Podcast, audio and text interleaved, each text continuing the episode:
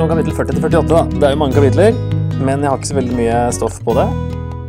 Eh, Det er en lang del, og det eh, betyr jo at det er viktig. Dette er jo egentlig klimakset i boka. Det er ca. 20% av hele Esekiel er den tempelvisjonen, den andre tempelvisjonen.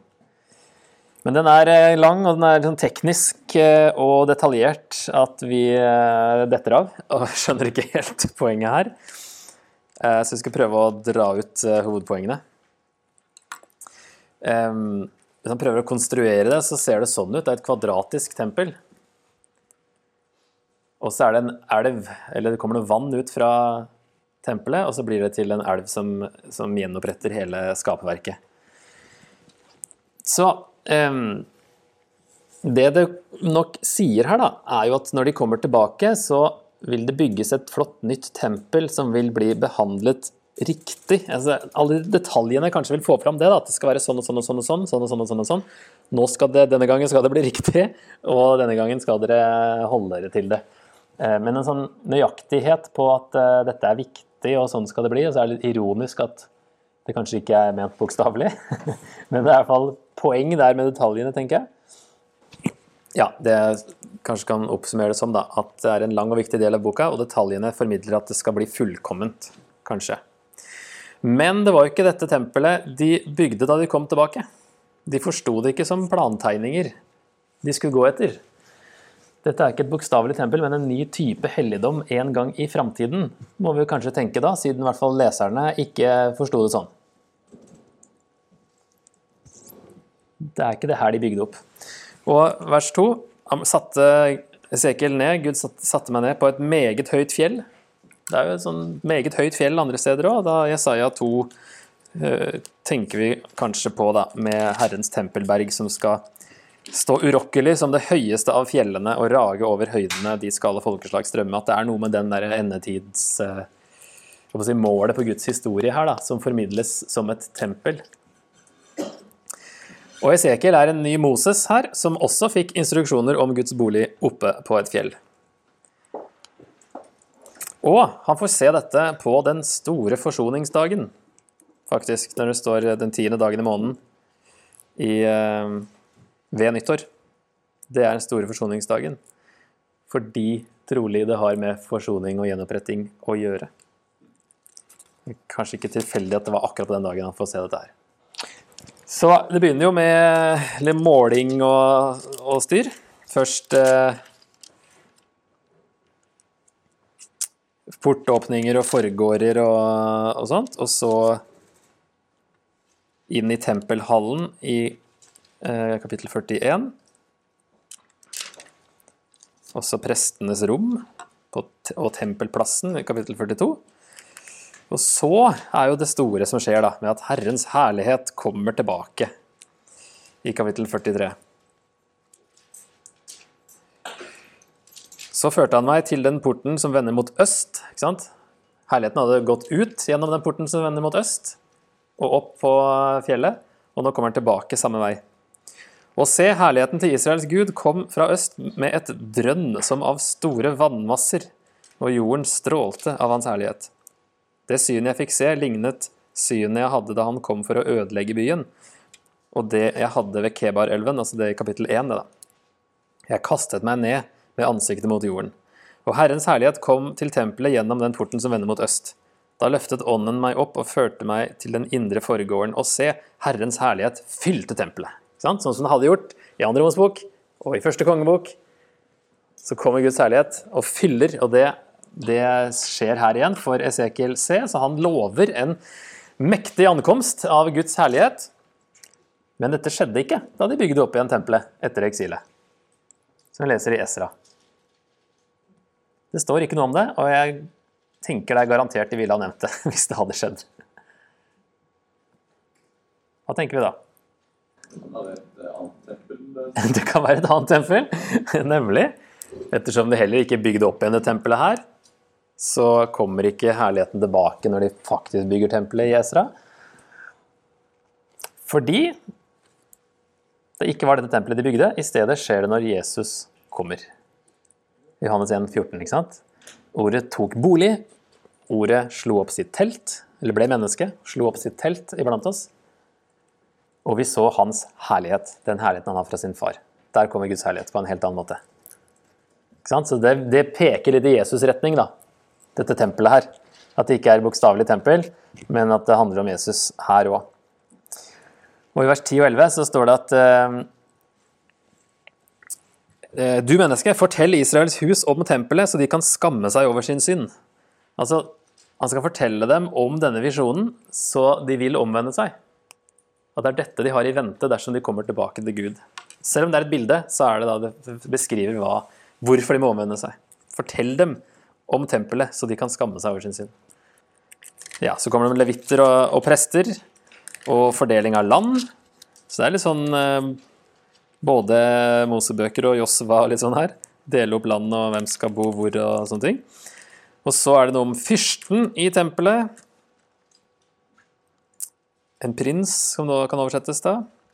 Det er noe messiansk over han, men eh, litt sånn uh, vanskelig. Uh, Ofringer. Og så kommer vi til livets elv, som det står i kapittel 47 her, hvor skaperverket gjenopprettes. Enda mer vann. Det som, skal komme som en uh, lyden av store vannmasser, en Guds herlighet. Og her er det en elv som går ut. Eller først litt vann, så blir det en stor elv. Så han går lenger og lenger vekk og måler høyere og høyere. Til slutt men kunne ikke vade over, står det. Så eh, vann strømmer ut fra tempelet og blir til en elv som gjør til og med Dødehavet friskt.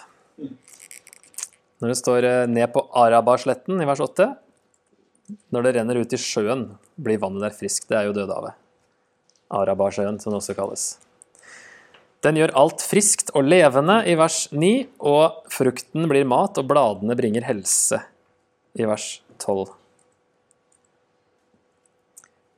Brukes med en vri i Johans åpenbaring 21-22, når Gud gjør alt nytt der. Så det ligner jo veldig.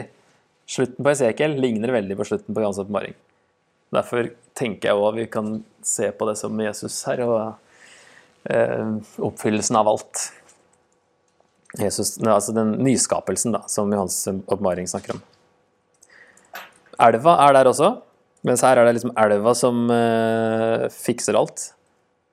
Mens i hans baring så er den en del av det nye Jerusalem der. Så man kan si at tempelet her er det nye Jerusalem, et bilde på det. Og disse elvene er jo interessant. Nå henter jeg inn fra Johannes her. Eh, Johannes 7, når Jesus sier 'Kom til meg, jeg har det levende vann', så eh, er jo det på løvehyttefesten, den siste dagen på løvehyttefesten, da man ba om høstregn og disse endetidselvene i ja, det skal stå Esekiel 47 eh, også, og Zakaria 14, ble symbolisert med en prosesjon til Siloamdammen hver dag for å hente vann, som siden ble helt ut som takkeoffer. Så på den siste dagen da, så har de, de har gjort det her hver dag, og den siste dagen så står Jesus fram og sier 'Jeg har det levende vannet'. Um, så man leste Zakaria 14 og tolka det da, og leste også sammen eh, Esekiel 47. Disse to tekstene sammen sa at vann ville strømme fra tempelet og gi liv til hele jorden. Vannhentingsseremonien pekte mot dette. Og så er det Jesus som annonserer at han er Den hellige ånds kilde. Og oppfyllelsen av disse endetidselvene da, i Esekiel 47 og Zakaria 14 han, altså ånden er Vannet er bildet på ånden, og Jesus har det vannet. Jesus gir ånden til den som tror. Så det eh, virker som at Jesus sier der at han, han er oppfyllelsen, han er dette her. Derfor kan vi nok frimodig koble det på Jesus. Denne elva også. Alt handler om Jesus, egentlig. Så hva betyr alt dette, da? Eh, Guds jordiske by var ødelagt, og hans folk var fanget i den mest gudløse byen i verden, fra deres perspektiv, på den tiden. Esekiel får en visjon om at Guds sanne by en dag skal komme. Trolig ikke et tempel som skal bygges noen gang, fordi ofringene er oppfylt en gang for alle, og det er jo ofringer som en del av opplegget her. Selv om noen har jo den tolkningen at det skal bygges eh, også før Jesu gjenkomst. Men jeg sliter med å se det, at ofringene skal gjenopptas når de er oppfylt.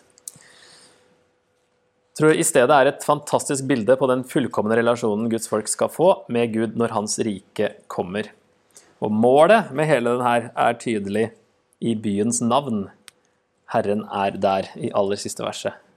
Gud skal igjen bo med sitt folk.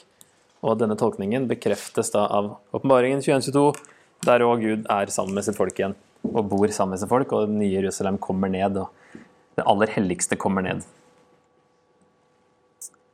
Men det er altså det er viktig uh, for leserne, ikke sant? og så må vi bare forstå hvorfor er det så viktig, og hvorfor får det så mye plass. For det, altså, De tenker veldig tempel. ikke sant? De skulle tilbake og bygge opp i et tempel, og tempelet var ødelagt. Det var en kjempekatastrofe. Så får de se et tempelbilde. Det gir jo veldig mening for dem. Men så likevel så skjønner de at det her er ikke det tempelet vi skal bygge. Så vi bygger et vanlig tempel, på en måte. Så det må være noe som symboliserte veldig til dem, eller kommuniserte til, til dem, at dette i form av et tempel som mange detaljer som eh, var med på å gjøre det bildet fullstendig. på en måte. At alt handler jo egentlig om når Gud skal bo blant menneskene igjen. Og symbolisert med et tempel, for det var sånn de vant til å tenke og gjenopprette alt. Og, ikke sant? Eh, Herren er der nå, endelig. Nå er Guds bolig ved menneskene for alltid.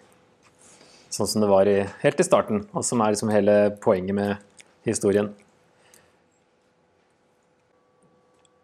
Så skal vi prøve å lande hele boka, da.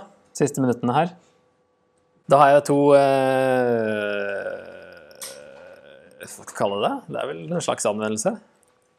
Som jeg prøver å oppsummere boka med. Gud elsker oss og ønsker bare å være sammen med oss, så derfor holdt han ut ydmykelsen da Israel vanæret hans navn med sin utroskap.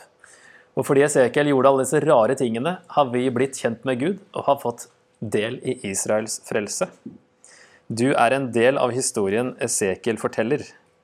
Vi har sett mye av dette bli oppfylt, så dere skal kjenne at jeg er Herren, som Gud har sagt mange ganger. Vi kan òg kjenne at Gud er Herre, eller at, han er Javé. Vi kan òg kjenne det fordi Gud holdt ut hele veien med Israel, for han hadde hele verden i tankene. Og fordi Esekiel og ved å gjøre de rare tingene, så ble folket skjønte at han var en profet, huska hva han hadde gjort, omvendte seg, kom tilbake, Guds plan fortsatte.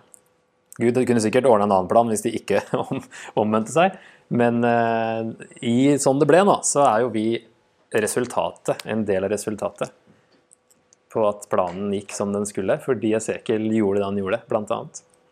Og at Gud gadd å holde ut så lenge.